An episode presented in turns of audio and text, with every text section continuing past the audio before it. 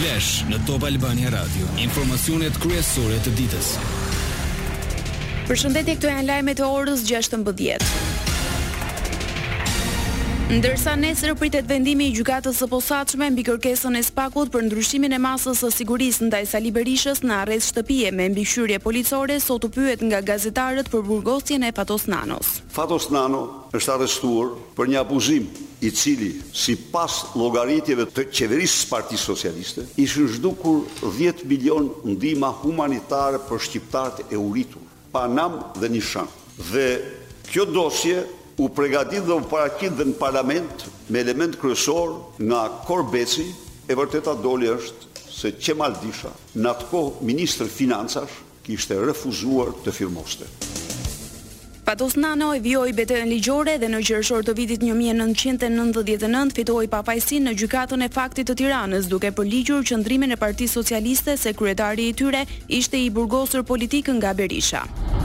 Kujtojmë se lideri i socialistëve, Fatos Nano u arrestua më tridhjetë korrik të nëntëdhjetë e treshit. Ndaj tij u ngrit akuza për abuzime me fondin e ndihmave të qeverisë italiane. Më tre prill të nëntëdhjetë e katërës u dënua me dymbëdhjetë vjet burg dhe u dërgua për të vuajtur dënimin në burgun e Bënçës. Gjatë trazirave të nëntëdhjetë e shtatës, Nano nuk u largua nga qelia, por kërkoi dhe mori leje nga ministri i Drejtësisë së kohës, i cili e lejoi të kthehej pranë familjes. Një javë më parë, Berisha, si president i vendit, firmosi faljen e kundërshtarit politik.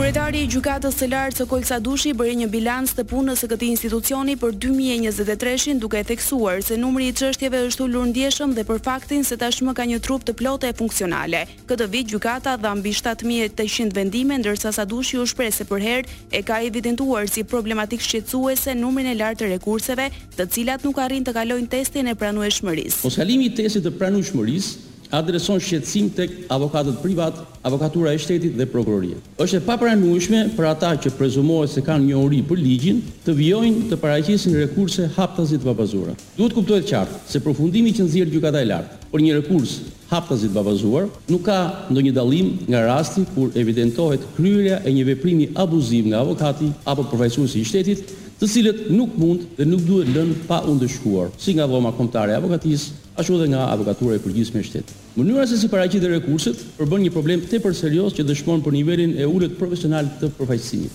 Pavarësisht masave që merr Gjykata e Lartë, qoftë edhe me gjobitjen e avokatëve, paraqitet i domosdoshëm ndryshimi i mentalitetit juridik, por edhe kuptimi për mjetet e ankimit në përgjithësi dhe të rekursit në veçanti. Avokatët duhet të kuptojnë se Gjykata e Lartë është një gjykatë ligji dhe jo një gjykatë fakti.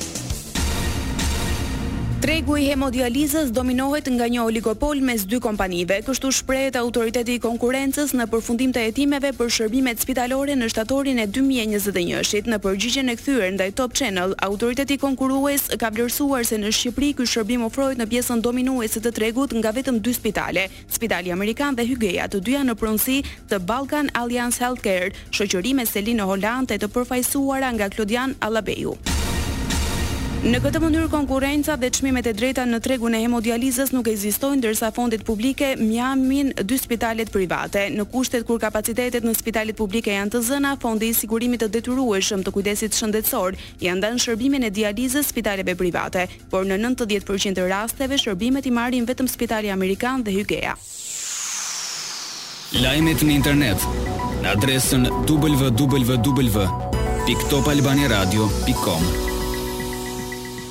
Dy të arrestuar në Korçë për mashtrim, dyshohet se transferonin para nga llogaritë bankare të shtetasve grekë nëpërmjet agjentëve fiktivë. Në subjektin tregtar të përshtatur për kryerjen e këtyre veprimeve në mënyrë të paligjshme ishin punësuar shtatë vetë nga Fieri. Dyshohet të jenë mashtruar pesë mijë grekë të cilëve shtatë punonjësit u kanë marrë nga tre mijë deri në pesë mijë euro. Grekëve të mashtruar u kërkonin të shkarkonin në kompjuter një aplikacion përmes të cilit u vidhnin të dhënat bankare dhe paratë. U sekuestruan njëzet e tre njësi kompjuterike, një laptop, fatura fiktive e transaksionesh bankare si dhe të tjera pajisje. Lajme nga bota. Sekretarja e Maine-it, Shenna Bellows vendosi të heqë ish-presidentin Trump nga fleta e votimit për zgjedhjet paraprake presidenciale në këtë shtet. Ajo bëhet zyrtarja e parë kryesore që administron çështje zgjedhore, e cila ndërmerr një veprim me pasoja të mundshme në garën e përgjithshme presidenciale. Vendimi mund të apelohet. Me forcat izraelite që vazhdojnë të sulmojnë zonat në Gazën qendrore duke vrarë dhjetra persona, qindra mijëra palestinezë janë zhvendosur drejt qytetit jugor Rafah në ditët e fundit, siç bëjnë të ditur Kombet e Bashkuara. Lufta tashmë ka vrarë mbi njëzet e një mijë e treqind palestinezë dhe ka shkaktuar një krizë humanitare. Një e katërta e popullsisë së Gazës po përballet me uri. Të paktën dhjetë të vrarë nga sulmet me dronë e raketa lundruese të Rusisë ndaj Ukrainës. Moska sulmoi në orët e natës e të mëngjesit të sotëm në qytetin perëndimor të Lvivit, një godinë e infrastrukturës kritike u godit nga një sulm me dron.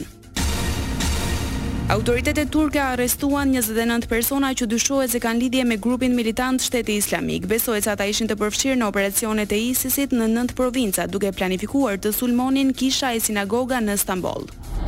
Duke cituar burime të sigurisë, agjencia shtetërore e lajmeve, Anadolu, njoftoi se edhe gjatë operacionit u kapën tre të dyshuar, të lidhur me njëzet e nëntë të arrestuarit. Kjo agjenci shtoi se tre përfaqësues të lartë të ISIS-it u arrestuan, ndërsa raportohet se njëri prej tyre po planifikonte një sulm ndaj ambasadës së Irakut në Ankara. Raketa Falcon Heavy e SpaceX u nis drejt hapësirës për të transportuar dronin sekret Tridhjetë e shtatë B të ushtrisë amerikane në një mision kërkimor. Pas javësh vonesë, raketa u nis nga qendra hapësinore Kennedy e NASA-s në Florida. Sport.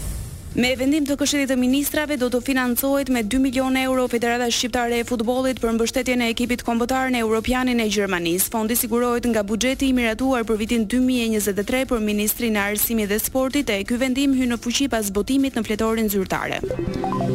Parashikimi i motit.